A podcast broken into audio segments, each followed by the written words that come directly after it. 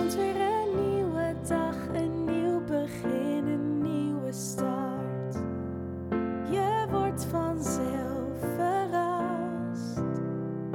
Dus lach niet, heb het leven lief. Ook al heb je zorgen, pak het met beide handen vast. Dit is de Alles is Liefde podcast.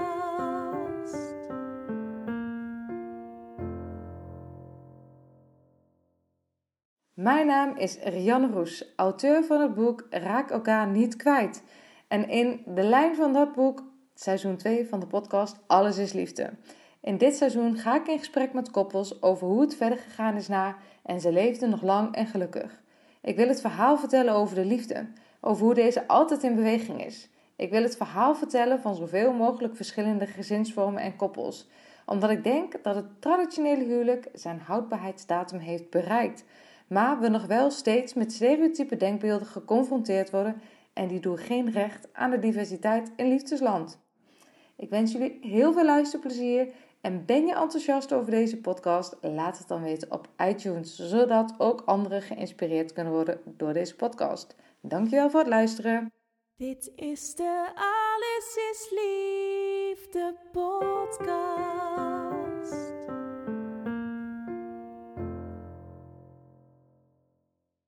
Wat leuk dat je luistert naar de allereerste aflevering van seizoen 2 van de podcast Alles is Liefde.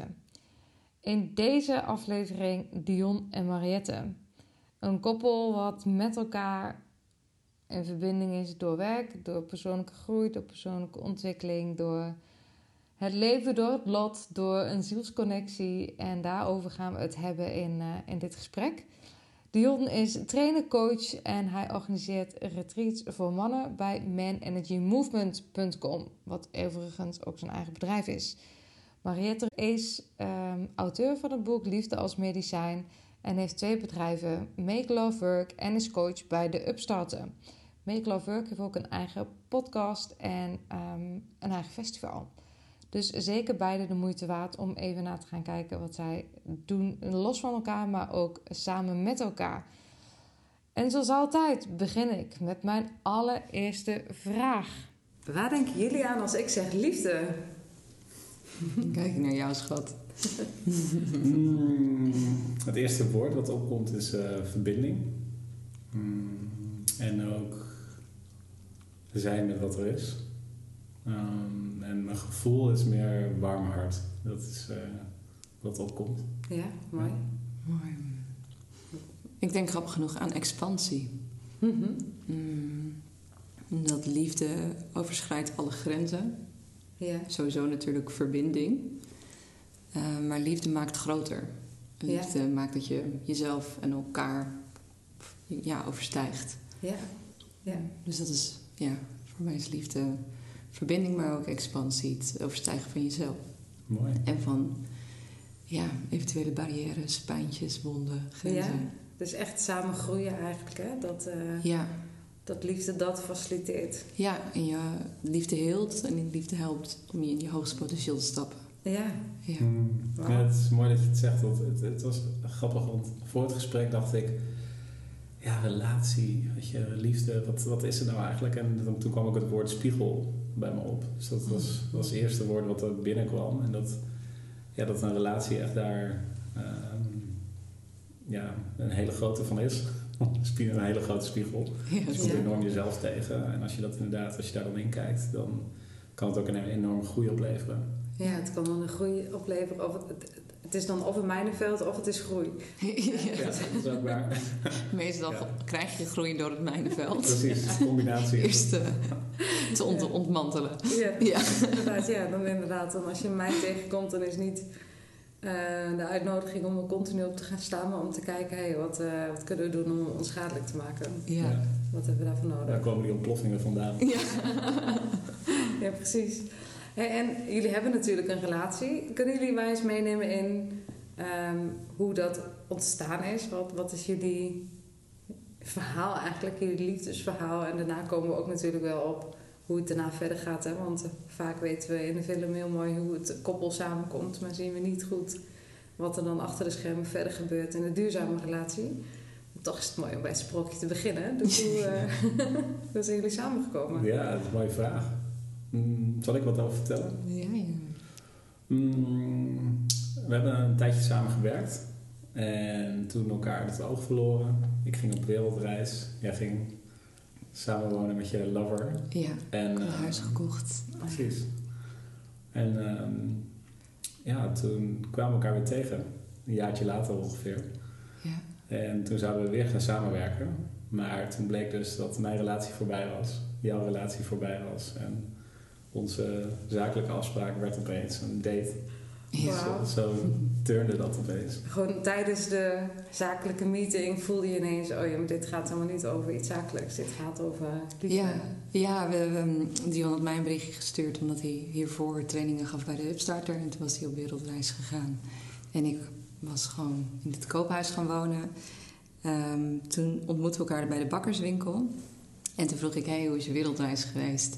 Zei hij, nou, ja, mijn relatie is uitgegaan. Ik zei, oh, oh, wauw. En uh, toen zei hij... Oh, wauw, dat niet best. Ja.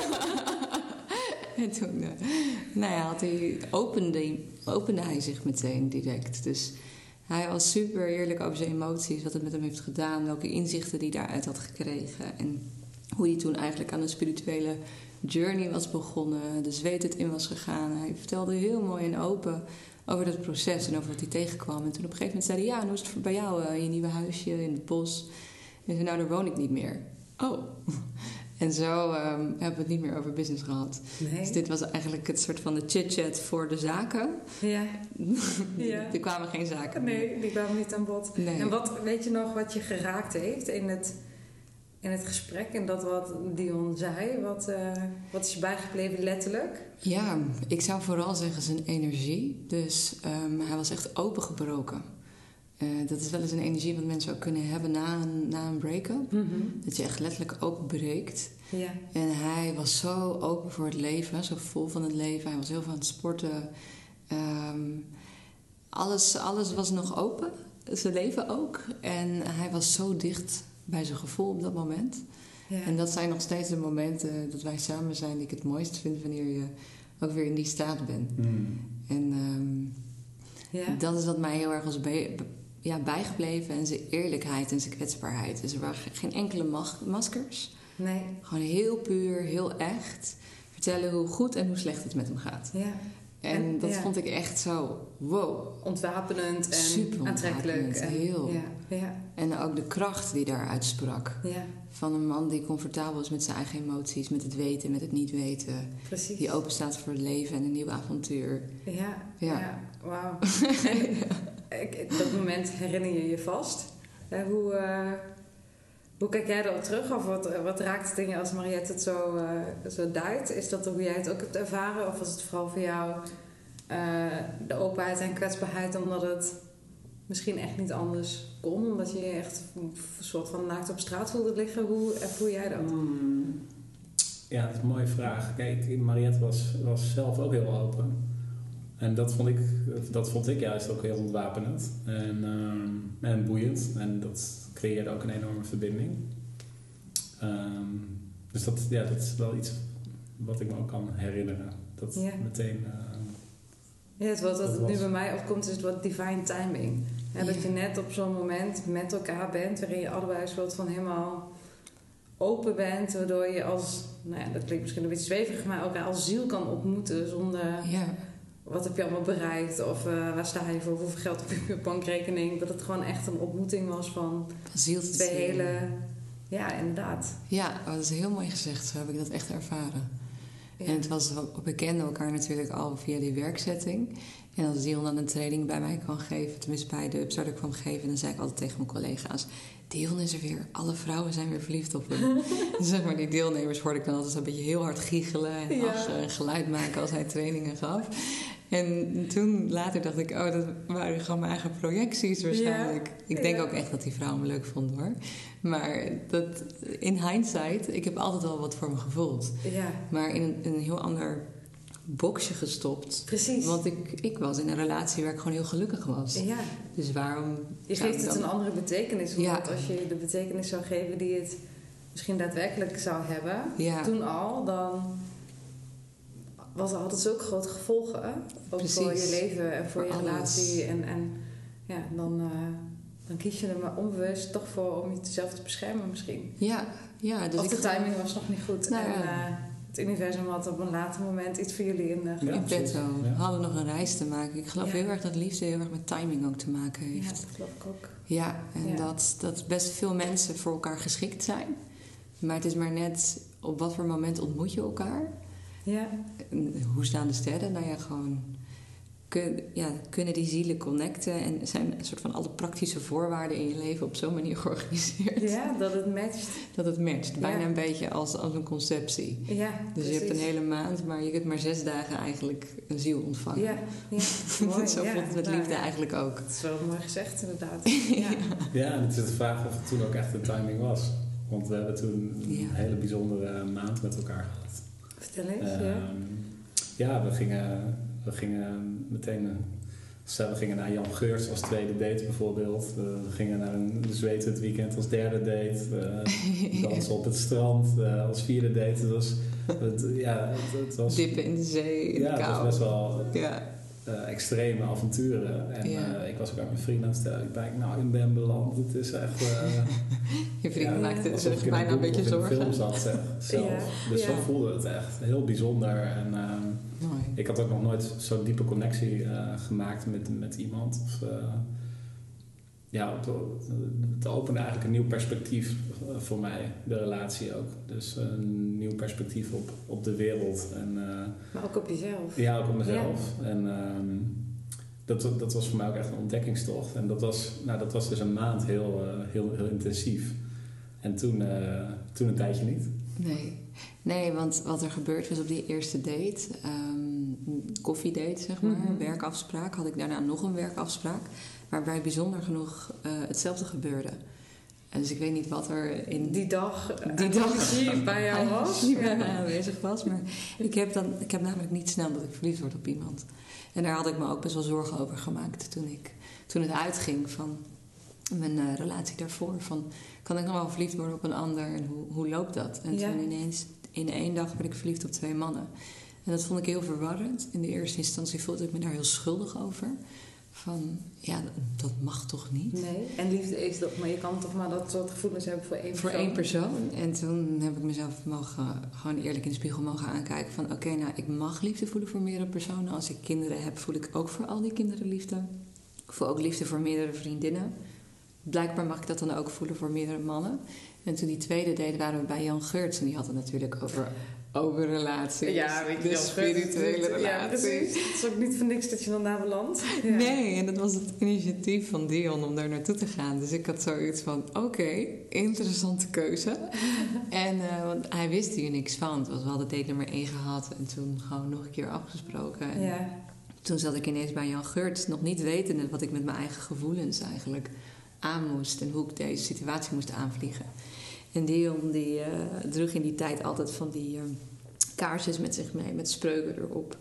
Een uh, beetje psychologische inzichtkaartjes, orakelkaartjes-achtig. En we waren die, um, ja, de, eigenlijk de lezing van Jan Geurts aan het nabespreken.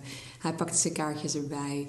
Ik trok een kaartje en er stond op: Explore yourself beyond the borders of what is known. Wauw. En toen begon ik. ik ja, ik kan meteen tranen. En uh, toen zei Dion, hoe resoneert deze kaart bij je? ja, ik denk, nou, die raakt wel blijkbaar. Op een deur, maar dat ja. je, ja. Ja, ja en toen uh, zei ik van, nou, ik, ja, ik, naast de ontmoeting met jou heb ik dezelfde dag nog een man ontmoet. Met een ander, ja, ander soort connectie, maar ook echt in mijn ziel. En uh, ja, Jan heeft het dan over open liefde en ja, het enige wat ik voel is dat ik best maar radicaal eerlijk kan zijn. En um, ik mag dit van mezelf eigenlijk niet onderzoeken. En nu krijg ik dit kaartje. En nu voelt het alsof ik toestemming heb om te voelen wat ik voel. Nog Ja. niet wetende wat ik daarmee wil. Wat eruit voortkomt. Wat eruit Ja. voortkomt. Maar ja, eigenlijk zou ik de paden met jullie beiden willen ontdekken. Nou, dan geef ik de bal En weer wat bij jou. kwam er toen bij jou uh, omhoog? Nou ja, kijk, uh, überhaupt, ze vertelde dat van ik wil het onderzoeken. Dat was eigenlijk de boodschap. En ik voelde toen van, nou, dan ben ik weg. Dat was mijn eerste reactie. Ja. En ehm, ja, toen vroeg jij van blijf nog even. Het was echt letterlijk dat ik ook weg wilde gaan uit het huis. Ja, ja. En ehm, toen maakte ik dus eigenlijk een soort shift van oké, we hebben net die lezing van Jan Geurt gehad. Hij zegt, ja, als er eh, een ander in het spel is, dan is dat eh, de, ja, eigenlijk de uitnodiging of de meeste kans op groei. Ehm, dus toen dacht ik, ja, laten we dat, laten we dat eens bekijken. En in plaats van dus me ervan weg te bewegen, ging ik dus vragen eigenlijk van, goh, hoe is dat dan voor je en hoe voel je dat dan en eh, hoe kijk je er dan tegenaan? Ehm en ja, dat was eigenlijk een moment waarin het al een beetje startte eh, te shiften om dus open ervoor te staan dat er ook een andere vorm mogelijk is. Of dat, ja, dat het allemaal niet zo vast hoeft te staan. ja. Dus dat, eh, ja, dat gebeurde toen. En wat gebeurde er in jou? Want het was natuurlijk erg, Mariette kwam met die boodschap en vervolgens had jij het eerste gevoel van, nou, ik ben weg en in tweede instantie, oké, ik ga mee op dat pad. Maar wat voor gesprek heb je daarvoor moeten voeren met jezelf en je eigen Ja, dat is wel mooi. Ik voelde dus me eerst afgewezen. Ja, En eh, maar later in het gesprek toen hadden we het over het- ons gevoel voor elkaar. En toen voelde ik van Mariette voelt ook hetzelfde voor mij als ik voor haar voel. Dus dan is, het, eh, dan is dat voor mij goed. ja, Ehm, en ik denk dat ik toen ook nog wel dacht van nou, ze trekt ook wel bij met die andere man. ja. dus dat, dat, dat was ook nog wel eerlijk toen. Ehm, ja. Ja, dat dat in je hoofd zat en dat je voelde, weet je, ergens een Ja, soort van dit- weten van Dit wat... is zo bijzonder wat wij hier voelen. Dus ja, dat is dan eh, Ja, is geen mooi- partij. Nee. Het. nee, precies. Waarin je ook gelijk bleek te hebben, toch? Nou, Eh, of niet, eh, wel- Nee, vertel eens. Wat, eh, Nou ja, eh, na die maand, eh, toen ehm, was zij eigenlijk, je had die andere man ook helemaal niet gezien in die maand. Nee. Maar dat zat er wel aan te komen daarna. En ehm, toen voelde je eigenlijk ook bij ons het, eh, het niet meer, om het maar zo te zeggen. Ja, dat is wat ik mezelf vertelde. Ja, en eh, ik, ik, eh, ik kreeg dus die boodschap vlak voordat, voordat je met hem dan ook echt een weekend wegging. En voor mij voelde dat dus niet waar, niet kloppend. Nee. En ik dacht, ja, je ziet het verkeerd. En ja, je wil de weg vrijmaken om het met hem te onderzoeken. En nou ja, dat is ook je goed recht. Ehm, alleen, ja, ik zie het anders. Dus dat is wat ik, wat ik voelde. En ehm, ja, toen zijn we dus eh, gebroken na die maand. Hmm. Ja. Ja. en hoe ging dat dan? Want jij gaf aan, weet je, dat... eh, of Mariette gaf aan, het gevoel voor, voor jou was er niet meer op dat moment. Ja. En dat jij voelde van, ja, oké, dan... Ik voel dat het niet klopt, maar ik kan niet iemand dwingen iets, iets toe te geven wat, ehm, ja, wat, Ja. waarvan ze overtuigd is dat het er niet mee is. Ehm, hoe, ging, hoe gaat zo'n moment? ja, prachtige vraag. Ja. Ik heb eigenlijk Byron Katie op mezelf toegepast. Die vier vragen. Nou ja, ik, eh, ja, precies. Want ik voelde dus van ja, het, ehm, je ziet het fout. En ik werd toen wakker met ook die gedachten en daarmee dus ook een, een heel onprettig gevoel. En ik heb toen een paar uur onder de douche gezeten. Dat was nog een helder moment. En toen kon ik dus die shift maken van oké, maar misschien zie ik het niet goed. Ehm, en is het nu de bedoeling voor dit moment dat dit op deze manier zo is? En ik kon toen ook veel redenen zien waarom dat zo was. Onder Dus- andere. Nou, onder andere dat eh, nou, wat onze relatie had geopend in mij, dat dat ook iets was wat ik zelf mocht onderzoeken. Dus dat nieuwe perspectief op de wereld en dat ervaren en dat avontuur. Ehm, ik heb best wel mezelf ingesnoerd, eh, een groot gedeelte van mijn leven. Dat is ook een van mijn, van mijn, van mijn thema's, dat eh, aanpassen en eh, ja, mijn ruimte klein houden. Ja. En toen was het echt geopend. Dus het voelde ook mooi dat ik ja, ook helemaal vrij in de wereld kon Ja. zijn. En dat het ook een goed moment ervoor was om dat zelf te ontdekken. Ja, die expansie eigenlijk, waar Eigenlijk- het net over had. Hè, van je kan helemaal in vrijheid Ja, weer ontdekken en voelen wat er mogelijk is. Zonder weer meteen in een kader, wat een relatie onder de streep toch vaak is. ja, Ehm, binnen de grenzen die je daar samen over afspreekt. Maar toch, het is een, toch weer een kader, een denkkader. ja, en precies. toen dat wegviel, werd jouw blik dus eigenlijk nog weer ruimer dan die... eh, Ja, dus ik kwam in een soort avonturenperiode terecht. Wat, Ja. wat, wat heel mooi was, heel uh, en hoe zag het avontuur eruit? Ja, dat, dat ik dus eh, open stond, ook voor ontmoetingen. En het was ook een beetje een soort helingsperiode voor mezelf en ook de vrouwen die ik dan eh, tegenkwam eh, toen. Ehm, en dat ik daarin mocht ontdekken en mocht, eh, ja, Mocht verbinden Mocht zonder het gevoel te hebben van ik ben niet loyaal naar ja, precies. degene Ja. voor wie ik die verliefde Ja. gevoelens heb. Ja. Ja. Ja. Maar ja, toen kwamen we toch weer samen. ja. En hoe is dit nu voor jullie? We gaan zo dadelijk weer terug naar de verhaallijn. Maar hoe is even, even naar het hier en nu? Hoe is dit voor jullie om dit nu op dit moment van elkaar te horen? Want het verha- de verhaallijn waar we net op zaten, die is van hoeveel jaar geleden? Ja, Vier jaar geleden. Vier jaar geleden. Ja. Dus als je dat nu beluistert, hoe, luistert, hoe, hoe voelt het dan? Roept het juist weer de gevoelens van toen op? Of voel je heel erg van, oh wauw, wat hebben we dat eigenlijk mooi gedaan? Of wat, wat hangt er nu het meeste in je lijf aan emotie als je erop terugkijkt? Wie eerst? Ja, je mag wel eerst. Ja. Ehm, ja, ik heb altijd wel echt een hele diepe bewondering gehad voor eh, die onthouding in die, in die periode. Die van mezelf ook hoor. Want ik, ik had de hele tijd de rol ik, dat ik de stoute schoenen aan had. Dat is ook niet altijd Nee, makkelijke Dat jij de, de barricades op moest of dat jij Ja. de grenzen moest verbreken Precies. en eh, de vrijheid moest creëren. Ja, Het, het, ja, het speelveld verruimen eigenlijk. ja, De lijnen van het voetbalveld afhalen en zeggen je mag eh, daar gaan waar je wil. precies. We mogen onze eigen relatieconstruct ontwerpen, zeg Ja. maar. Dus ja, als ik terugkijk, dan, dan heb ik weer gewoon... Ik voel nu bewondering eigenlijk voor de moed die we hebben getoond. Maar ook voor de eerlijkheid. Dus ook dat er een periode was dat we uit elkaar zijn gegaan... als Dion er nu zo over spreekt... voelt dat inderdaad heel kloppend. Ja, Dus, ehm, en, en geeft het voor mij ook weer aan... eh, doet me ook weer herinneren aan wat ik toen op dat moment heb gevoeld. Dat ehm, zijn focus toen in mijn beleving erg op mij was gericht. Mhm. in eerste instantie. In de eerste Ja. instantie. En ehm, dat ik eigenlijk de poort was naar expansie en openheid en avontuur. Terwijl dat in hemzelf ligt. En Ja. ik weet ook dat ik dat toen als benauwend heb gevoeld. En dus ook een stap terug deed. En mezelf vertelde, ja, het gevoel is er niet meer.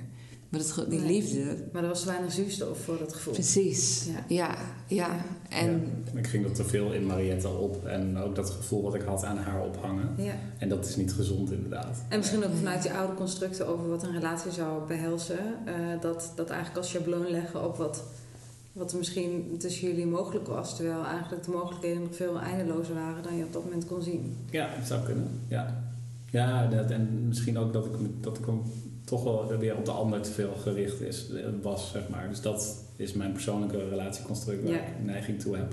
Het geleende zelfbeeld, zoals eh, David Snartje mooi Ja. zegt. Dan eh, zie je jezelf door de ogen van de ander en daarop, daarvan hang je, zelf daarop hang je eigenlijk je eigen, ja, eigen waarde en je Mm. zelfliefde. Ja. En, eh, terwijl het vanuit jezelf moet komen. Dus vanuit jou kwam eigenlijk de uitnodiging, maar zoek het in jezelf. Ja. ja. Hè, en dat, dat is dan misschien met de analyse van nu. Maar, eh, ja, op een wat onhandige manier deed ik dat inderdaad. dus ja. En voor jou, hoe is het voor jou om nu eh, terug te horen, Dion? ja, eigenlijk mooi om er nog zo bij stil te staan van hoe dat toen ontstaan is. Het is eh, het is- ik voel dan ook alweer een beetje die opening zo terugkomen. hè. Dat, dat, dat avontuur en dat, die levensenergie. En eh, ja, dat is Ja. mooi. Mooi om daar weer stil te staan. Zo'n kriebel dat je voelt. Ja. van, Oh ja, Ja, ja, we kunnen gewoon echt alles creëren. ja. ja. Ja, Ja, en het drukt bij mij ook heel erg het gevoel op dat het in de liefde vaak heel succesvol is als je een dwaas bent. Mhm. En dat een dwaas zijn is meestal niet eh, hetgeen waarvoor we willen kiezen in ons leven. We willen wijs zijn, wel overwogen keuzes Ja. maken, ja eh, verstandig. pijn vermijden, Ja. verstandig. Elkaar geen pijn doen. Ja. van die ideeën over... Ja, terwijl misschien juist de uitnodiging in de liefde wel is om af en toe elkaar wel pijn te doen en niet bewust. Maar Precies. het raakt iets in je aan waardoor je eigenlijk nog weer kan nou, boven jezelf kan uitstijgen.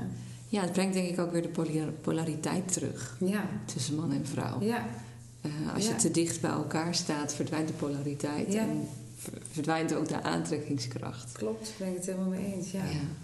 Ja, want uiteindelijk zijn jullie weer samengekomen na, eh, Ja, na een x-aantal tijd. ja het Zoals was hoeveel zat daartussen? een half jaar denk ik ongeveer. En, eh, Een half jaar exploreren, om maar zo te zeggen. ja, zeker. En wat ik ook bij jou, volgens mij las het op jouw Insta, eh, Dion, wat ik echt heel mooi vond, dat jij ook die reis op een gegeven moment in zo'n post beschreef over ehm, dat mensen in jouw omgeving ook soort van tegen jou zeiden: wat is er met je aan de hand? Ben je het gewoon maar aan het doen? En eh, dat vrienden eh, je eigenlijk zo tot terug wilden roepen van, eh, gaat het wel goed met je? Ja. Is dat ook in het half jaar geweest? Of was Nee, dat al daarvoor? Ja, misschien iets later. Ja.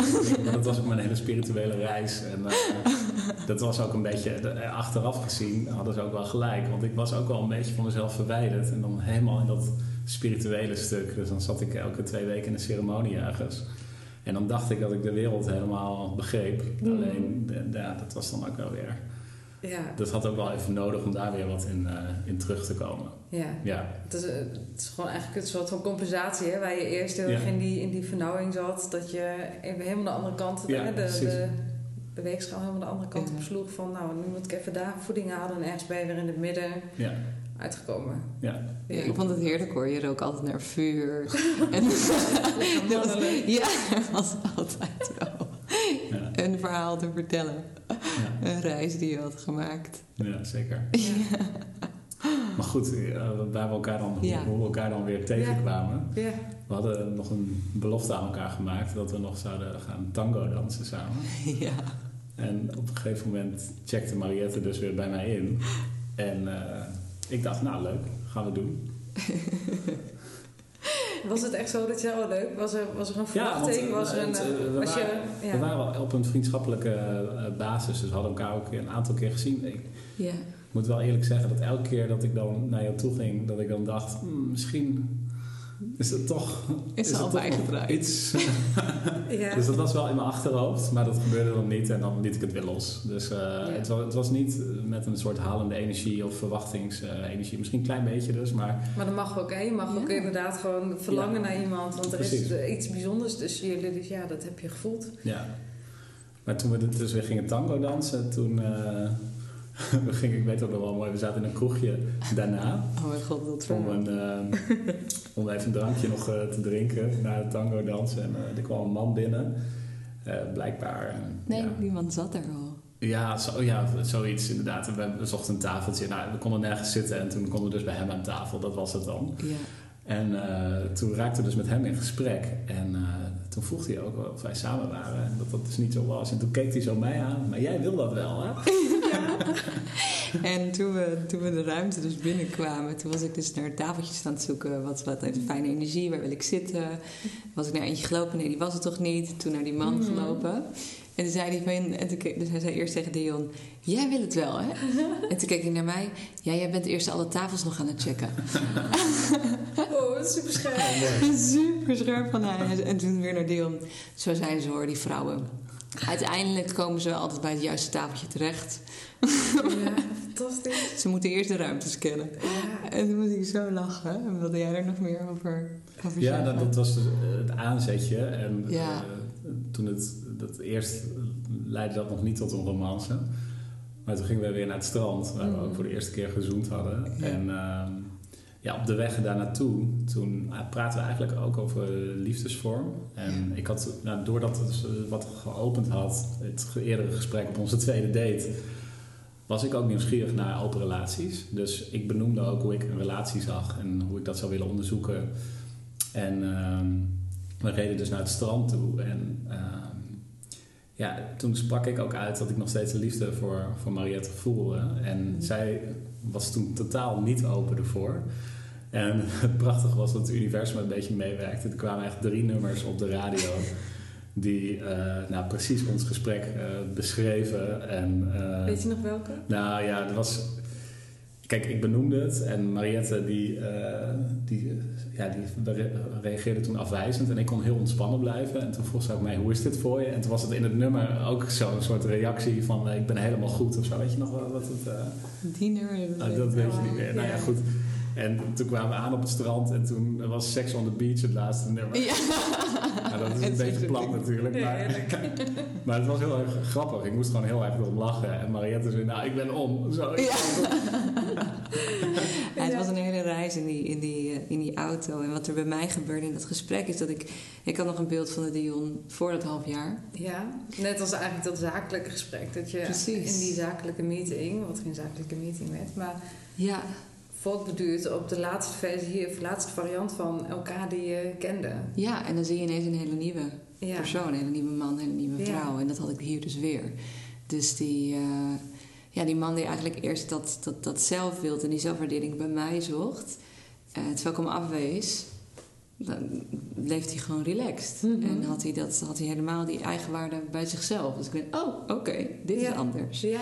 En zo bleef het door en door gaan. Maar ook Dus kon de zuurstof langzaam bij jou weer naar binnen kon weer komen. terugkomen. En ehm, ik was ook gewoon heel diep geraakt door de liefde die hij elke keer voor me voelde en omschreef. Want die voelde ik wel. Ja. Alleen ik zat de hele tijd in mijn verhaal. Ja, maar het kan niet. De connectie was er. Ja. Die was er altijd. Die was ook Ja. nooit weg. Maar in je hoofd had je... er, eh, Een verhaal van gemaakt. Ja.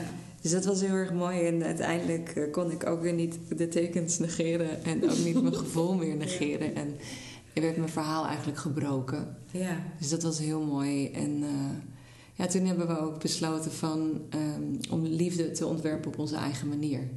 Ja. Ja. En, eh, En hoe gaan zulke gesprekken? Hoe... Jij, ja. Ja. Ging op een hele bijzondere manier. Dalai Lama. De- ja, we waren bij de Dalai Lama lezing in Rotterdam in de Ahoy. En hij, hij schreef zijn ja, levensovertuigingen op. En wij ging dat, ging dat toen koppelen aan hoe je een relatie zou kunnen zien. Ehm, dus dat het gaat om trouw zijn aan jezelf en ruimte maken voor jezelf. En, ja, wat- Hij had het over ehm, de emptiness in de vorm. En dat gaf ons heel veel inzicht. Dus dit is in elke relatie iets wat ook eh, gebeurt.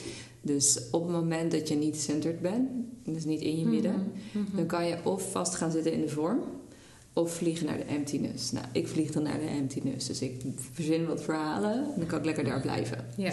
Ja. Dan hoef ik niet af te dalen, zeg maar. Nee.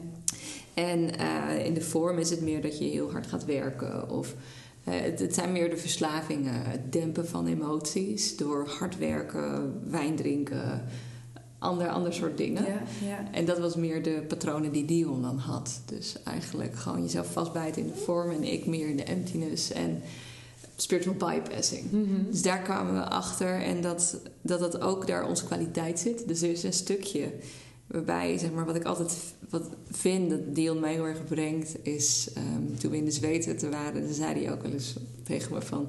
The body just wants to have an experience. Dus dat hij een beetje op zijn shamaan tour.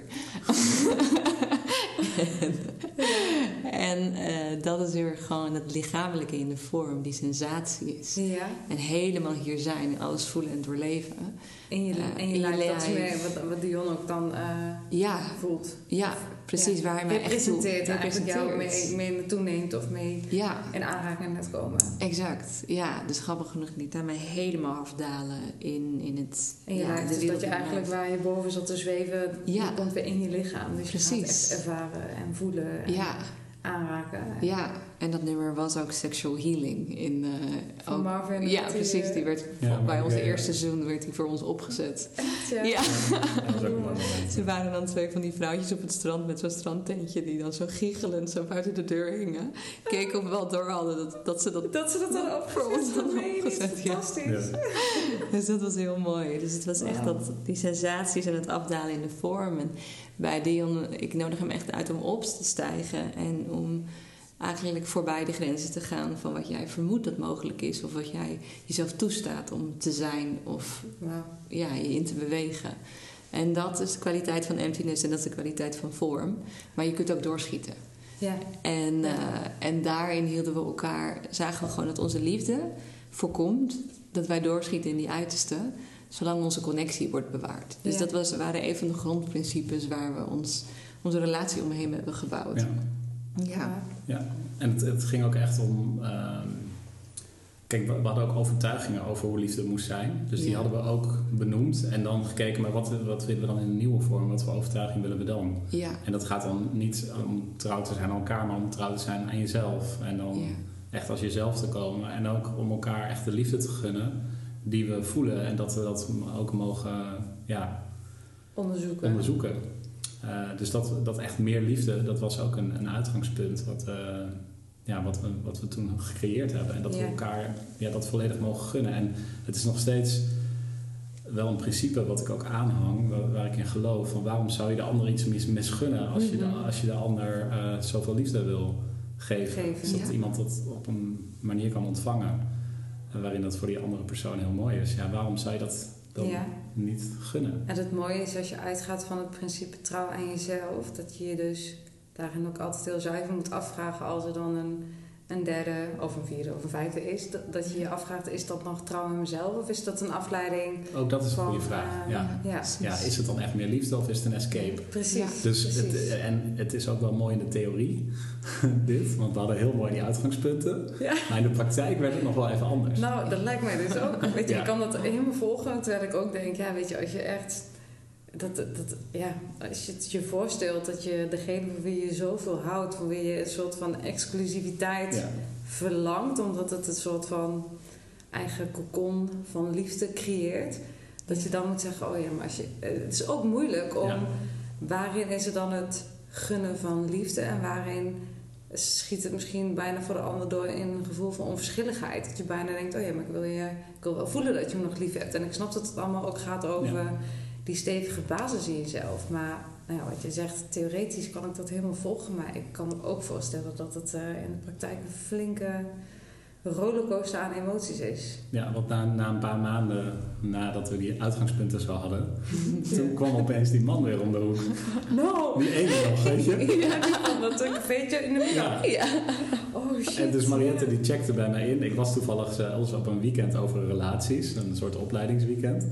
En Mariette die checkte bij mij in, weer over die man. Ehm, en eh, ja, dat ze toch weer daar iets in wilde onderzoeken. Ja. En ik voelde van ja, dit is wel, het voelt wel echt als waarheid en kloppend. Ehm, Maar was dat ook, en het is, misschien klink ik nu als een soort van sceptisch persoon hoor, maar was dat meteen wat je voelde? Er is toch ook nog iets van ego waar we niet zonder kunnen. ja, dat je denkt van, dat- eh, je wat de fuck ben jij nou weer? Nee, maar dat, het kan dus tegelijk bestaan. ja, Dus ik kon ook voelen van, oké, dit is eh, uitdagend. precies. En ook pijnlijk. Dus Ja. ook in het stuk zitten ook pijnlijke dingen. Ja. Eh, alleen, dus dat kon ik ook allemaal voelen. En ik kon dan als reactie geven omdat ik het niet wilde. Alleen, dat voelde niet waarachtig. Dus ik voelde wel van, ja, Ja. zij is oprecht en dat ze dat voelt. En dan kan ze dat ook gaan onderzoeken. Ja, dan zit je eigenlijk op die, twee, op die T-splitsing. Hè? Dat je Ja. voelt er is een weg van mijn eigen eh, triggers, mijn eigen pijnpunten die nu ingedrukt worden. En dan ga ik eigenlijk in de onredelijkheid. Maar ik kan ook voelen op mijn weten en mezelf moeten geruststellen. En eh, eigenlijk, eh, als het klopt, klopt het. Dus dan heb je daar wat in te doen, hoe moeilijk ik het ook vind op dat moment. Ja. Ja. Ja. Ja, Ja. Dus ook dat avontuur gingen we dan aan. Ja, en voor Ja. mij was het een hele verwarrende situatie. Nou, dat me ook inderdaad. Ja. ja, en ik heb heel veel voorbij superveel schuldgevoelens, voor heel veel, voorbij heel veel schaamte gemoeten. Ja. Omdat ik dit constant niet mocht voelen van mezelf en gewoon blij mo- mocht zijn met zo'n diepe zielenliefde die ik al had gevonden. Eh, wees niet zo ondankbaar. Of, Ja, eh, gewoon je hebt, hallo, je hebt een zielenliefde. je liefde, ja. Ja, wat, wat wil je nog meer? Maar ja, ik voelde met twee mannen een zielenliefde. Dus ik, op een gegeven moment twijfelde ik ook aan mijn eigen waarnemingsvermogen. Dat is ook altijd wel op een bepaald niveau gezond om kritisch naar jezelf te kijken. Toen ben ik ook naar een medium gegaan. Zo van, kun, je, kun je iets vertellen over? En ehm, het, is, het is een medium en zij zegt heel goed en krachtig. Dus ik vertel haar niks over de situatie. Ik geef haar haar naam. En dan vertelt zij over die naam. Dus ik heb haar twee namen gegeven. En zij kon precies vertellen hoe de mannen waren, wat ze voor mij betekenen. En ze zei ook: Ik zie met alle twee een ziel, zielenliefde. En ik zie met alle twee ontzettend veel potentieel. Ehm, dus het enige, zei ze, wat je kunt doen is voelen wat het echt is wat liefde wil. En liefde zien voor wat liefde is. Nou, dus ik helemaal, nou, dankjewel voor dit cryptische antwoord. Ja. Proberen de, de code te kraken. Ja, ik weet nu nog niet wat ik moet doen. Nee, maar ik was wel heel blij dat ik werd erkend Ja. In, in de Precies. waarachtigheid van dat En gevoel. erkend in je gevoel. Ja, Ja. en in Ja. dus hoe moeilijk het was om dan een keuze te maken. En ook in dat ik hier echt doorheen moest. eh, voordat ik tot een soort resolutie kon komen. Ja. Dus ehm, nou, eerst dacht ik nog wellicht dat Dion als eerste partner dan kan en hij als tweede partner ernaast. Eh, wellicht is dat een optie. Ja. ja. Ehm, maar dat bleek te vermoeiend te zijn. Voor jou of Ja. voor iedereen. Ja, nou kijk, want eh, eh, het was ook... eh, Mariette ging afspreken dus met hem. En ik was er dus oké mee. Maar dat, toen dat echt gebeurd was, toen voelde ik toch ook eh, toch weer die afwijzing. En ook eh, een soort boosheid. En Eh, dus dat was, was wel ook gebeurd. En we hebben toen een heel mooi gesprek daarover gehad. Mhm. En toen kon ik het pas echt eh, helemaal omarmen Ja. dat, het, dat het goed was. En toen kon ik me echt openen voor die open liefde ook. Ehm, En Dion heeft ook een tweede partner gehad. toen we gingen toen gewoon ik- kijken van, is dit dan iets? Maar Ja. toen ik dus dit echt die switch had gemaakt, toen voelde ik ook een connectie. En toen kreeg ik eigenlijk ook een extra lover. En die periode hebben we, hebben we ook een tijdje gehad, van, van misschien vier, vijf maanden of zo. Dat, ging heel goed. Ja, dat ging heel goed. was ook Ja. heel uitdagend. En waar zit de uitdaging? Ja? Ja, Want het- je wil op een gegeven moment ook niet ehm, elkaar kwetsen, maar je wil ook betrokken blijven bij elkaars gedachten en gevoelens. Ja. En die zijn op een gegeven moment eh, niet verenigbaar. Want als je iets deelt over je gevoel of over je gedachten, dan is er toch wel de kans dat iemand zich eh, gekwetst voelt. Dus Ja. hoe vind je daar een weg in? Ja, dat, dat, dat is het mooie wat het eigenlijk opleverde. Was juist heel veel verbinding. Ja. Dus juist als we ook vertelden over onze gevoelens of gedachten, ook over de ander of wat we mee hadden gemaakt, dan uiteindelijk was er altijd meer verbinding. Ja. Ja, en, kwamen we er dus ja. sterker uit. Ja. Het, het, het was heel bijzonder. En ik denk dan immer, en dat is misschien primitief, maar eh, als het gaat over de seksuele relatie, want dat Ja. betekent dat je met twee verschillende. eh, kijk, weet je, met twee mensen een connectie hebben, daarvan kan iedereen ook nog wel voelen. Ja, natuurlijk, hè, je kan ook twee beste vrienden hebben. Of, eh, maar op een gegeven moment, als het fysieke voorbij gaat, hoe ga je daarmee om? Of is dat iets eh, wat heel erg in mijn systeem zit en projecteer ik dat nu op jullie? Maar wat ook kan. Maar mij lijkt dat het de grootste uitdaging, wetende dat, dat je je partner ehm, ook deelt met een andere partner Ja, op seksueel vlak. ja. Ehm, Ja, het was wel pittig. ja. Ja, Ja, ik had een nou, beetje te voelen van hoe, hoe ga ik dit verwoorden. Het is goed om de beide kanten te benoemen. Ja, ik vond het energetisch gewoon ook heel intens. Dus echt gewoon zo diep met, men, met, met een man verbinden. En dan eh, zeg maar emotioneel, maar ook fysiek Ja, en spiritueel. Dat, precies. dat, Ja. Daardoor raakte ik dus verscheurd in mijn energie. en Een beetje versplinterd. En het kan dus wel. Want het zijn met name de stemmen in je eigen hoofd die zeggen dit mag niet.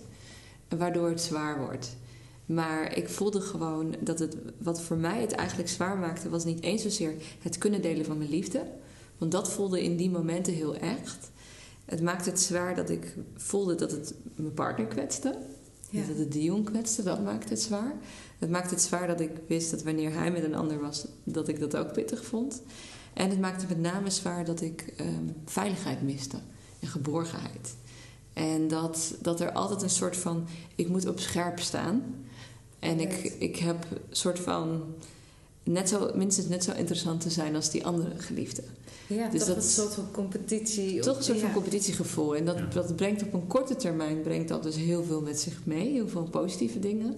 Want ja, net als dat je gewoon met elkaar gaat daten... dan haal je het allerbeste uit de kast. Want je wil elkaar veroveren. Ja, je gaat niet versloffen. Je gaat Nee. niet... eh, nee, je blijft scherp. Nee, dus wij versloften ook helemaal niet. We bleven super scherp. En die, die spanningsboog was gewoon heel... We bleven elkaar veroveren. En dus als ik nu terugkijk naar die periode... zijn er gewoon een paar ingrediënten die we toen hadden... die heel kloppend waren en die... Waarvan ik voel, want we zijn nu wel monogaam weer. Omdat we voelden, dit is te vermoeiend en ik heb behoefte aan meer veiligheid. Dus ik- niet vanuit morele principes hebben we het gestopt. Maar echt vanuit praktische oogpunt. Ja, maar ook uit trouw zijn aan jezelf. Ja, zeker. Ja, kijk, eh, dus er is ook een shift eh, heeft er plaatsgevonden. Waarin het dus op een gegeven moment ook minder onveilig was. Dus eerst waren we heel erg een team. Ja. En ehm, op een gegeven moment, toen was het onduidelijk. En toen bewogen we dan wat meer naar die andere lovers toe. En dan wordt het En onveilig. dan wordt het dus onveilig. Ja. Dus Dan weet je niet meer waar je veilig Precies, kijk, als je die basis als je die Ja. basis dus met elkaar hebt, en eh, ja, dan is dat heel mooi om dat met elkaar te delen. Maar als die basis onzeker wordt, Ja. dan eh, wordt het dus onveilig. En dat was het moment waarop, ehm, ja, waarop het dan eigenlijk niet meer werkt. Nee. En hoe kom je op zo'n moment? Want is dat, dat, dat is niet beide tegelijk, laat maar zeggen. Hè? Dat, dat- misschien voel je het wel aan, maar wie, gaat, wie begint uiteindelijk zo'n gesprek? Van, ik merk dat, eh, dat dit iets... Dat het niet bij, meer bijdraagt aan de verbinding van ons samen, maar ook niet in het trouw zijn aan mezelf. Wie, wie is dan de eerste die dat opent? Ja, ik. hè. Dus zelfs ik, uiteindelijk kom ik elke keer met hangende pootjes terug. Dus eh, niet hangend hoor, zwierende pootjes.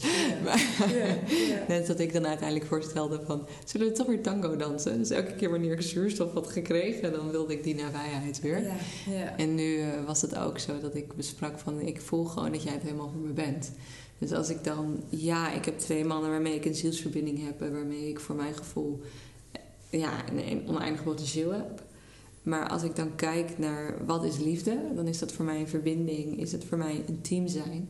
En is dat voor, voor mij ook ruimte houden voor de meest draconische kant van jezelf en de meest gebroken kant van jezelf. En Dion heeft mij Wat echt in woord gebruikt je? De... gebroken Nee, en draconisch. Dus Oh, draak. draconisch. Ja, ja, ja. Dus gewoon, nou, Dion heeft echt mijn, mijn lelijkste Kant gezien. Mijn lelijkste kanten gezien, mijn Ja. meest gebroken, mijn mooiste. En ehm, Hij is gewoon compleet als mens. alles, alles ervan. En toch bleef hij elke keer weer open voor verbinding. En toch wilde hij het elke keer weer opnieuw proberen. dus Want dat was voelt het voor mij jou als opnieuw proberen? Of voelt het ook als... ehm, we hebben eigenlijk steeds een honk en we gaan verder in dat proces? Of was Ja. het voor jou ook het gevoel van... we gaan nu weer een paar stappen vooruit en ik word weer teruggezet? Of... Ehm, nou, op- kijk, op dit moment eh, dat Mariette aangaf, ik wil een keuze maken. Ehm, en dat ze dan uiteindelijk eh, voor mij wilde kiezen. ehm, dat voelde heel kloppend. Dus ik voelde ook dat ik voor haar wilde eh, kiezen. En En was er ook een ego-gedachte die zei... nu wacht je maar op mij, ik wil nog door? ja, nou, het, ik, ik was niet meteen zeker. En ik, ik, ja, het, was, het was wel lastig ook. En ik kan het nu helder zeggen. Ja. Alleen toen koos ik dus ook niet zo helder. En dat, dat was uiteindelijk ook wel ingewikkeld. Ehm, en er begon eigenlijk wel een soort nieuwe reis daarna. Dus we waren toen, kozen we voor elkaar, waren we samen. Ehm, en toen was het avontuur en de grote druk en eh, de liefdesrevolutie, zoals we het noemen, ja, dat was dan eraf. En toen was dan eigenlijk ook de rauwe realiteit. Ja. Dus ja. En hoe zag die eruit?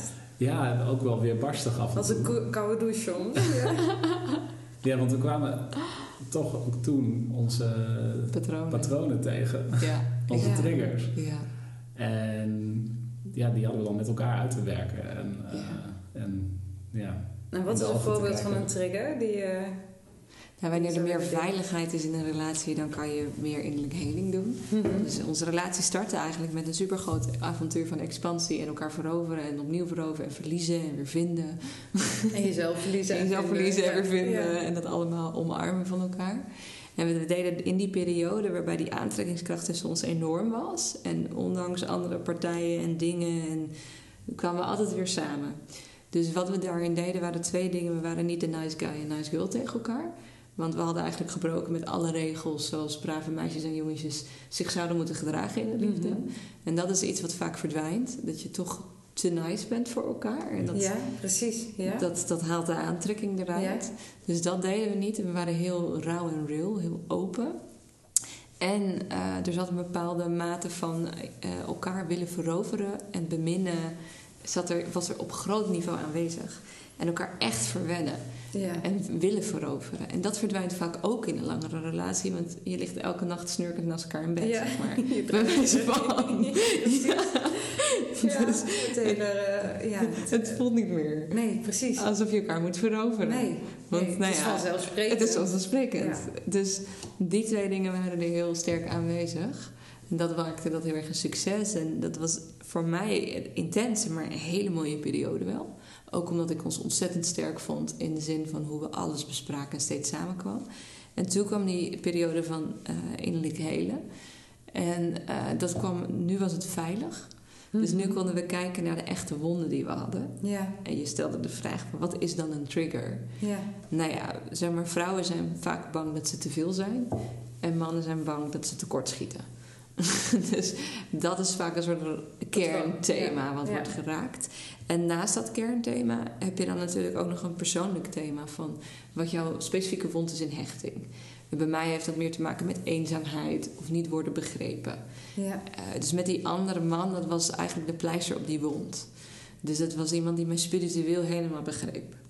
Nou, en dat was eigenlijk mijn diepste wond. Dat ik als jong meisje van 12 al bezig was met spiritualiteit, handlezen, tarot leggen, lucide dromen. En daarin niet werd begrepen door mijn omgeving. Uh, ik durfde het ook niet te delen met mijn ouders, omdat die en gelovig waren en omdat er schizofrenie in mijn familie is. Achteraf Ja, gezien had ik het kunnen delen, Ja. maar zo voelde dat niet. Nee, het was niet veilig genoeg. Nee, voor mij niet. Waarschijnlijk was het wel veilig genoeg, maar ik voelde Nee, me niet de- veilig het- genoeg. Je eigen risicocalculatie op hoe groot is de kans dat ik een soort van uitgestookt en op de brandstapel beland. Dat, eh, of die nou reëel is of niet, maar je eigen... eh, Die voelde heel hoog. Precies. Ja, en daarmee had ik dus een bepaald stuk van mezelf wat nooit kon bestaan. Eh, ja. ja, kon- dat bleef in die isolatie. En dat stuk had ik dus wel met de andere man, kon ik dit heel goed delen. Dus dat was eigenlijk een pleister op mijn wond, maar niet het echte hele van die wond. Nee. Uiteindelijk ging het, gewoon het bedekken. over. Het was het bedekken. Ja. Ik mocht met die eenzaamheid gewoon leren zijn. Nou, dat was er een van de dingen die er dan naar boven kwamen. Dus als ik dan soms me niet begrepen voelde in een bepaalde ervaring die ik had gehad, dan schoot ik in mijn eenzaamheidswond, schoot Dion in, ik schiet tekort. Mhm.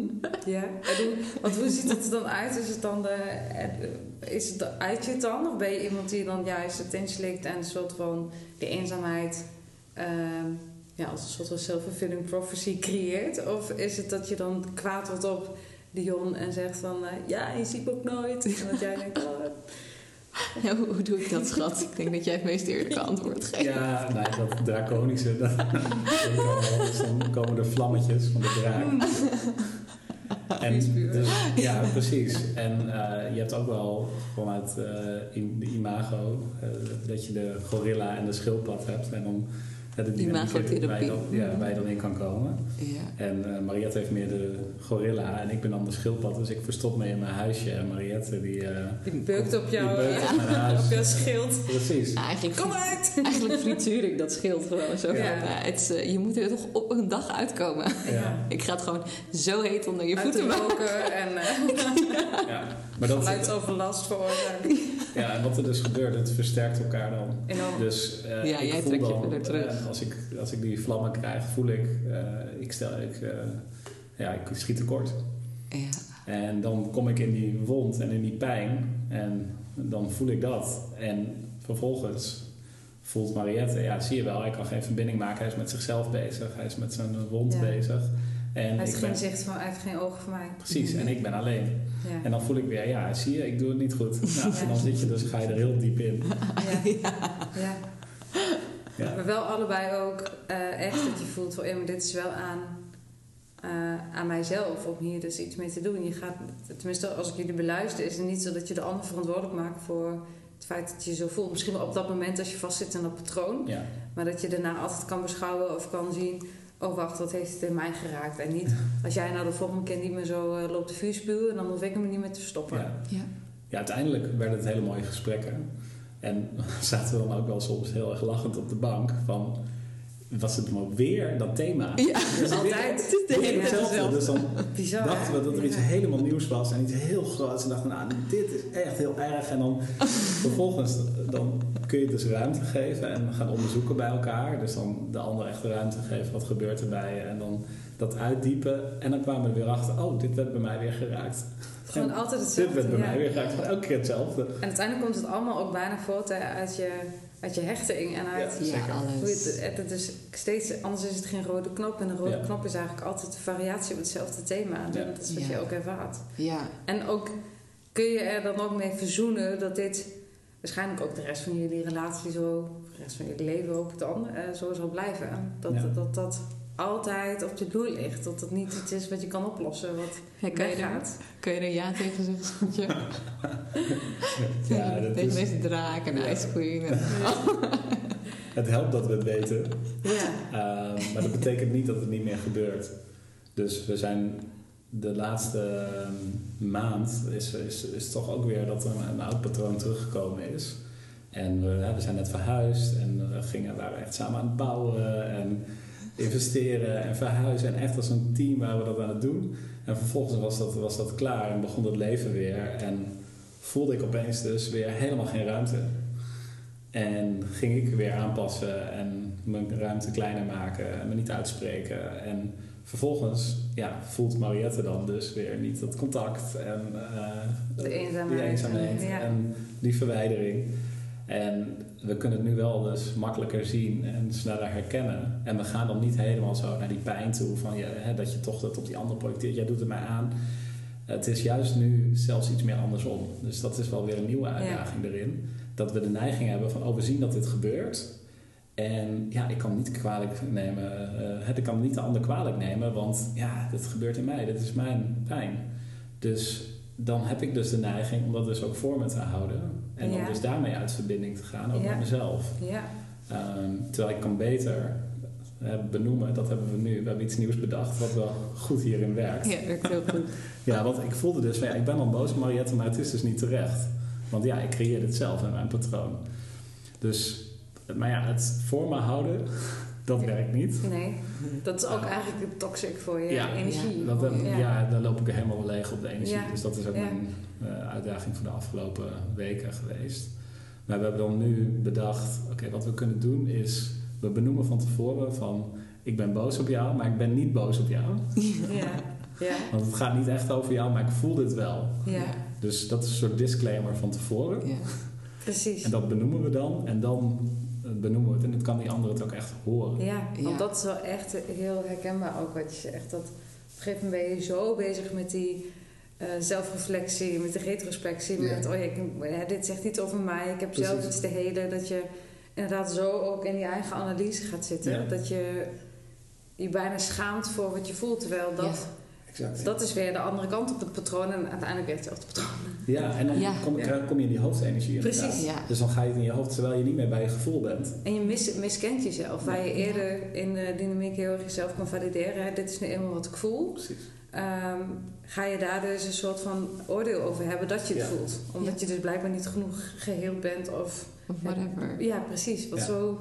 En uiteindelijk zorgt dat dus ook weer voor verwijdering en Ja. voor verstraling en een verbinding. Ja. Ja, en het wordt Ja. ook als je het niet uitspreekt vanwege het bewaren van de harmonie. Precies. Dat is dan is het weer dat nice. Dat vind ik zo mooi wat je net Ja. zei. Dat Ja. stukje nice. De nice Ja. guy, nice girl. Dat ik denk, oh ja, dat gebeurt denk ik heel veel in relaties. Omdat je niet Precies. wil dat de ander ontregelt door iets wat jij doet of zegt. Maar ontregeling is soms zo belangrijk om verbinding te kunnen voelen. Ja, Ja, precies. Ja. Maar je hebt er niet, ook niet altijd zin in. Nee. Gewoon denk je, fuck, zitten we hier weer in, krijgen we gedoe. En eh, Ja. ik wil gewoon dat het leuk is. Ja, En, precies. en, en het is een paradox. Want Ja. je denkt dus dat je nice bent, Nee. maar het is helemaal niet nice. Nee. En het is totaal ook niet trouw. Nee. Als je het steeds hebt over het thema trouw in jezelf. Ja, Ja. dus Het is niet real ook. precies. En, en daar gaat het uiteindelijk Ja. over. Dus being real, gewoon jezelf echt inbrengen met wat je voelt, denkt. Ja. En dat is altijd aantrekkelijk. Ja. Dus dat is ook grappig. Dus als hij dan eh, zeg maar boos is ergens over. Dus gisteren bijvoorbeeld, kijk, Dion vindt het dan soms moeilijk om ruimte in te nemen. Ik vind dat heel makkelijk. Heeft het moeilijk om ruimte in te leveren. ja. Dus we waren, zeg maar, we zaten in zo'n zo'n cirkel met van die mantra-kussentjes. Dion zat op een heel slecht kussen. Dus ik was een beetje aan het kijken, ligt er nog ergens zo'n kussen? Dan kan ik het voor hem hosselen. Dus ik zag zo'n kussen.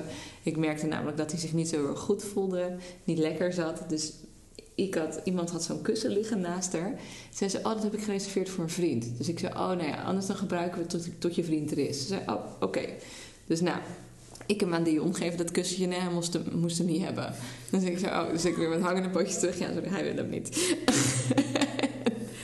Hij was dus super boos dat ik dat vroeg aan haar.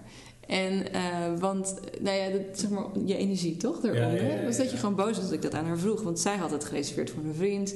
Laat het dan gewoon lekker liggen. Nou ja, ik vind dat hij helemaal gelijk heeft. Dus ik heb natuurlijk ook gelijk dat het hartstikke lief is dat ik hem even dat een is, lekker kussentje een gun. waarheid of een, Ja, die kijk, Maar niemand heeft, het, heeft gelijk. Nee, en, Maar het is altijd mooi om, ik vind het mooi om het perspectief van een ander te horen. Ja. Want dat, ver, dat verruimt mijn wereld. Ik denk gewoon dan zo van, nou, dat is wat ik wil hebben. Dat is nu beschikbaar. Wanneer het niet meer beschikbaar is, geef ik het terug. Precies. Jij ziet het weer anders. Jij denkt, nou, wat voor ge- gevoel krijgt iemand als je even dat kussentje wegjat en weer teruggeeft? Geen idee. Want was jij Maar- bezig heel erg met het gevoel van eh, die vrouw bij wie haar kussentje of haar gereserveerde plek weggaat? Of ging het bij jou veel meer over loop me niet zo te betuttelen? Ja. Of, Ja, Kijk, ehm, dus precies, het gaat, dat kan het ook zijn. Precies, er zijn verschillende lagen. Ja. Want we hadden dus daarvoor even een trigger gehad. En ik voelde, ik heb even echt voor mezelf nodig. En ik wil dus geen bemoeienis. Ook niet in de vorm van dat ik een kussentje krijg. Nee. Dus ik had mezelf ook energetisch afgesloten. Ja. Ehm, en dat was voor Mariette lastig. Want ik deed dat uit contact. Ging ik uit contact. Niet in contact, uit contact. Dus als Nee. ik even benoemd had van... Hé, hey, ik merk even dat ik een moment voor mezelf nodig heb. Dus als je, eh, als je me even die ruimte geeft, dan is dat heel fijn. Eh, maar ik, ik zette gewoon een muur neer. En dan wilde ik dus ook niet bemoeienis. Dus wat het ook was, was nooit, had Mariette nooit goed kunnen doen. Nee, nee. Nee, dus het ging ja, niet eens om dat kussentje. Maar het Natuurlijk niet. Het Nee, dat is altijd nee, een aanleiding. Het is altijd, weet je, waarom heb je ruzie over, eh, wel. Nee, maar dan Het alsnog... Ja, het Ja. theezakje. Maar dan alsnog vond ik dat zelfs in het inhoudelijke kussenverhaal... kan hij dan een perspectief laten zien wat ik niet zie. Ja. Wat dan ook helpend Wat is. dan helpend is. Ja. En daarom is het gewoon eigenlijk altijd mooi als je echt bent. Want als je ergens over clasht als stel... dat komt omdat je een ander perspectief hebt. Ja. En dat betekent dus dat je eigenlijk iets nieuws kan ontdekken van Ja. elkaar. Ja. Dus daarom vind ik clashes ook wel gewoon mooi. En uiteindelijk kan je dan onder de oppervlakte kijken wat is er werkelijk aan de hand. En ik, ja, ik wist ook wel dat hij eigenlijk geen bemoeienis wilde. Dat is zo. Dat is zo. Ja, ik ben altijd heel erg fan van David Snarch, maar die heeft het dan ook over marital sadism. Dus dat je eigenlijk stiekem, en hoe lief het feitelijk meetbaar en zichtbaar, als je het op film zou zien, ook is. Maar dat het ergens toch, het zit toch even, even het prikje uitdelen. En dat het eigenlijk een heel gezond element is van een relatie, tenzij het natuurlijk terroriserend is. Maar Ja. nou ja, dat je eigenlijk voelt, oh, ik weet het wel, maar ik word misschien ook een beetje wankel van het feit dat jij niet meer beschikbaar bent. Dus dan, nou ja, dan kom je eigenlijk in een soort van dynamiek terecht dat je al weet, we moeten eerst uit elkaar voordat we weer kunnen verbinden. Precies.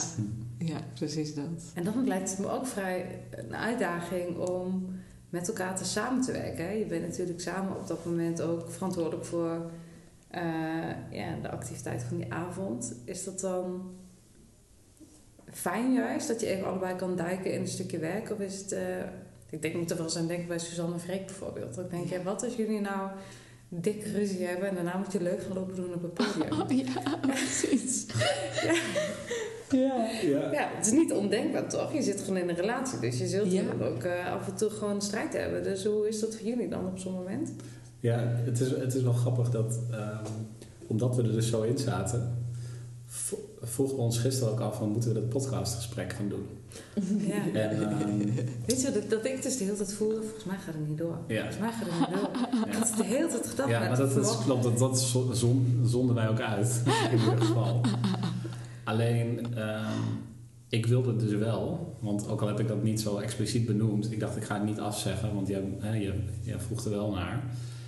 Alleen, het is ook een soort stok achter de deur van oké, we hebben dan straks dat gesprek. Dus ja, dan is er ook geen escape voor wat we nog aan te kijken hebben. Nee. Dus we hebben vanochtend ehm, een, een, een heel mooi gesprek gehad en heel erg die verbinding weer gevoeld. En daarom kunnen we ook zo relaxed over Praten. benoemen wat er gisteren gebeurd is. Want we hebben het al uitgewerkt. Precies. Dus het vroeg er gewoon echt om dat er nog wat uitgewerkt mocht worden. Ehm, en dat is dus voor het gesprek gebeurd. Wauw. Dus Ja. Ja, dat is anders heel had het fijn. wel als een escape gevoeld als we het niet hadden gedaan. ja, en dat is natuurlijk op een gegeven moment heb je ook niet weer zin in hetzelfde. Maar je moet ook, je moet ook, dat is het, wat mij betreft is dat ook het werken aan een relatie. En niet het werken aan drie keer per week eh, leuke dingen doen samen. Maar dit, het, elke keer weer die drempel overstappen Ja. van oké, we gaan het weer over hebben. We gaan het weer, ik ga me weer kwetsbaar opstellen. Ik ga weer in mezelf onderzoeken, maar ik ga ook weer eh, jou eigenlijk ontregelen in wat mij niet aanstond, in wat jij hebt gedaan. Dat is het werk van een Ja, relatie. precies. En dat heb je niet gewoon altijd zin in. Zeker Nee. niet als je al denkt, we hebben dit al honderd keer gedaan. Dus, gaan we weer. Gaan we weer. Ja. Sorry. ja. En hoe is dat? Ja, dat is echt amen. Ja. En hoe is dat voor jou dan, zeg maar, eh, dit zo? Dit gesprek bedoel je? Ja, nou ja, dit beseffende. Ja, ik, vind het, ik herken het heel erg. Dat dat is wat je, eh, ehm, wat je steeds tegenkomt. Dat het altijd hetzelfde is. En dat je... Dat voor mij is het heel erg belangrijk dat er onder de streep steeds het gevoel moet zijn... maar we groeien wel samen. Dit wat jullie nu vertellen... Daarvan denk ik, ja, dat vind ik echt prachtig. Want je leeft wel weer elke keer de effort. Je gaat elke keer weer die drempel over om... Ja, eigenlijk naakt in die arena te gaan staan. En dat, Ja. dat de stieren te bevechten die op je afkomen. En, Ehm, met modder en bloed besmeurd het wel aan te kijken. En zolang dat in een relatie zit, denk ik dat je dat je altijd aan het groeien bent als, als koppel, maar ook zeker als individu. Ik denk dat de grootste eh boosdoener voor, of nou eigenlijk de killer voor liefde is onverschilligheid. Mm. En eh, soms is het makkelijk om een onverschilligheid te verstoppen. Ja. Dat je denkt, oh ja, weet je, het boeit me gewoon niet. Of ze zoekt uit, of het, het verdwijnt wel weer een keer. Of ik ga een prima te slapen en dan eh, is mijn boosheid wel weg. Hè, en ik denk dat dat juist eh, de killer is voor, voor de liefde. Terwijl Ja, elke keer weer die effort leveren, die ontregeling veroorzaken eigenlijk, ja, dat zorgt voor verbinding. Ja. Dus dat, ja, maar het is wel hard werken. In je hoofd Ja. ook. En elke keer weer ja, elke keer die jezelf tonen. En elke keer... Oh. Ja, Ja. Het is wel... eh, Het is Ja. wel mooi, en wat ik wel merk van wat levert het me dan op? Hè? Want nu lijkt het dan bijna meer als een soort van eh, noodzakelijk kwaad, wat het, ook, wat het ook is. Wat wel eerst is waar je jezelf toen niet zette. Ja, Van, het Oké, is- kom op. hè, ja. Dat, ja, je weet gewoon dat het, eh, ja, dat het weer ja, een, een reis naar binnen ook vraagt. Of weer een zelfreflectie. Of weer stilstaan bij wat er is. En soms Ja. wil je ook gewoon lekker makkelijk leven. Maar ja, als je te lang makkelijk leeft, dan Dan werkt het ook weer niet. het ook weer niet. Nee, nou ja, wat ik in ieder geval eh, zeg maar wilde zeggen is dat eerst helemaal in het begin dachten wij van, oh yes, we hebben het helemaal ontdekt.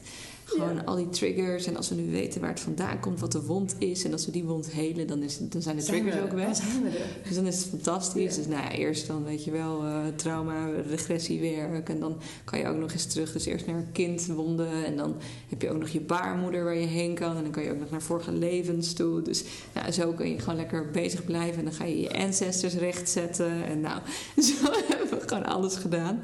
En om eerlijk te zijn, al dat werk werkt. Dat zijn ook 100%. waar we mensen helpen en opleiden. Het is echt heling. Je leert steeds beter bij die emoties aanwezig zijn. En je leert ook steeds beter wat bij jou hoort en wat bij je lijn hoort. Wat Ja. niet bij jou hoort. Ja. Dus dat zijn ook hele essentiële dingen. Grappig genoeg blijven die triggers dus wel. Ja. Dan heb je dus elke keer opnieuw weer dat werk te doen. En dan denk je van, nou ja, oké, waar leidt dit dan toe? Dus is het dan zeg maar de hele tijd een beetje dweilen met de kraan open of zo? Maar wat het waar het voor mij, wat voor mij de soort van grote reward is van het werk doen, is naast een weer een stromende connectie, is dat ik steeds opnieuw op een dieper niveau ontdek wat het betekent om man te zijn, wat het betekent om vrouw te zijn. En voor mij dan een vrouw te zijn. En ik noem dat dan ook wel de Sacred Union. Dus een, een, een echte eenheid waarin het contact een bepaalde ja, sacredness, heiligheid Mhm, heeft, mhm. heelheid ook, waarin alles ontmoet mag worden. Ja. En waarin ik de hele tijd heb te voelen: hé, hey, de variant die ik nu van mezelf ben, dat is eigenlijk niet een waarachtige versie van mezelf. Dus eigenlijk kan ik constant in de spiegel kijken en op een dieper niveau ontdekken wel, wat voor vrouw ik eigenlijk ben. En hoe diep die vrouw kan gaan. En hoe krachtig, hoe veerkrachtig die vrouw kan zijn. En dat ontmoet ik heel erg met jou. Ik heb eigenlijk, en dan word ik nu een beetje emotioneel. Ja, ik heb nog nooit zoveel kracht in mezelf gevoeld. Hmm. Van het hele, ja, ja van het pad met jou. Hmm. En het is zo, vind ik zo mooi. Dat je elke keer weer jezelf opnieuw kan ontdekken. En elkaar. En dat ik ook elke keer weer een nieuwe man zie. Ja. Dus elke keer kijk ik jou opnieuw in de ogen en je bent nooit voor mij dezelfde. Nu ik je zie zitten, denk ik weer van jeetje, er is weer iets bijgekomen. Hmm. En dat vind ik wel heel bijzonder. Ja. Dus ik, vind- ik, ik vind het fijn als het ook soms makkelijk is. Ja. Even rusten. Ja, Ja. maar het leven wil blijkbaar constant verandering. Ja. En daardoor plaatst het ook dit soort dingen op je pad. En als je dan het werk doet, pluk je ook wel echt de vruchten. En voor mij is dat dan deze vrucht. Van, Ja. Dat ik elke keer nog meer een vol, volle vrouw ben geworden Ja. of zo. ja, compleet voelt en, en Ja, ja, echt bij die bezieling komt. Hè? Dat, dat, en, daar, en als je het woord zegt komt, dan lijkt het alsof er een eindpunt is, maar die is er niet. nee. Dus dat is de, de, de paradox ook. Je denkt dat je ergens naartoe werkt en dat, dat er dan een punt is. Maar er is nooit een punt, het is altijd een komma, want daarna is er weer wat anders. Ja, dus dat is toch weer die expansie. Ja, dat is... Dat Ja, is- dat is Waar we het gesprek mee begonnen. Ja, dat is het exact. Je, Ja. gaat, je kan steeds nog, ja, niet meer per se de breedte in, maar wel ook de diepte in. Expan, expan, het, expanseren. Ja. nou ja, in ieder geval dat. ja. Ja, Ja, ik voel het ook zo. Want we zeggen ook wel eens tegen elkaar van ja, dat zijn we ver gekomen, weet je. Zo, ver ben ik nog nooit gekomen. En dat is dus dat gevoel van expansie. Ja. Dus het is pijnlijk hè, als je dat we hem helemaal rondmaken om in, in de spiegel te kijken. Mhm. Ehm, maar als je dat dus wel doet, dan, ja, dan kun je dus zorgen voor die expansie. Ja, en als je net de, de woorden van Mariette hoort, wat, wat, wat raakt het dan in je? Wat gaat er dan door je heen? Wat... Ja, trots. Ja, ja. En het is, ehm, ja, ook liefde. Verbinding. Mhm. Ja. ja. Ontroering ook is het. Ja. Dat we dit zo samen deze reis maken en dat we dit doen en dat we dus, ja. Dit zo aangaan met elkaar. Ja, heel mooi. Fijn. Het is ook wel bevrijdend omdat het niet makkelijk hoeft te zijn. Nee, precies. En Ja. eh, dat het het wel vaak heel aangenaam is. Ja, precies. Anders ben je ook niet samen. Nee, dat Maar dit, toch dat ongemakkelijk wat jij zegt, als je dan zegt ik voel trots, Ja.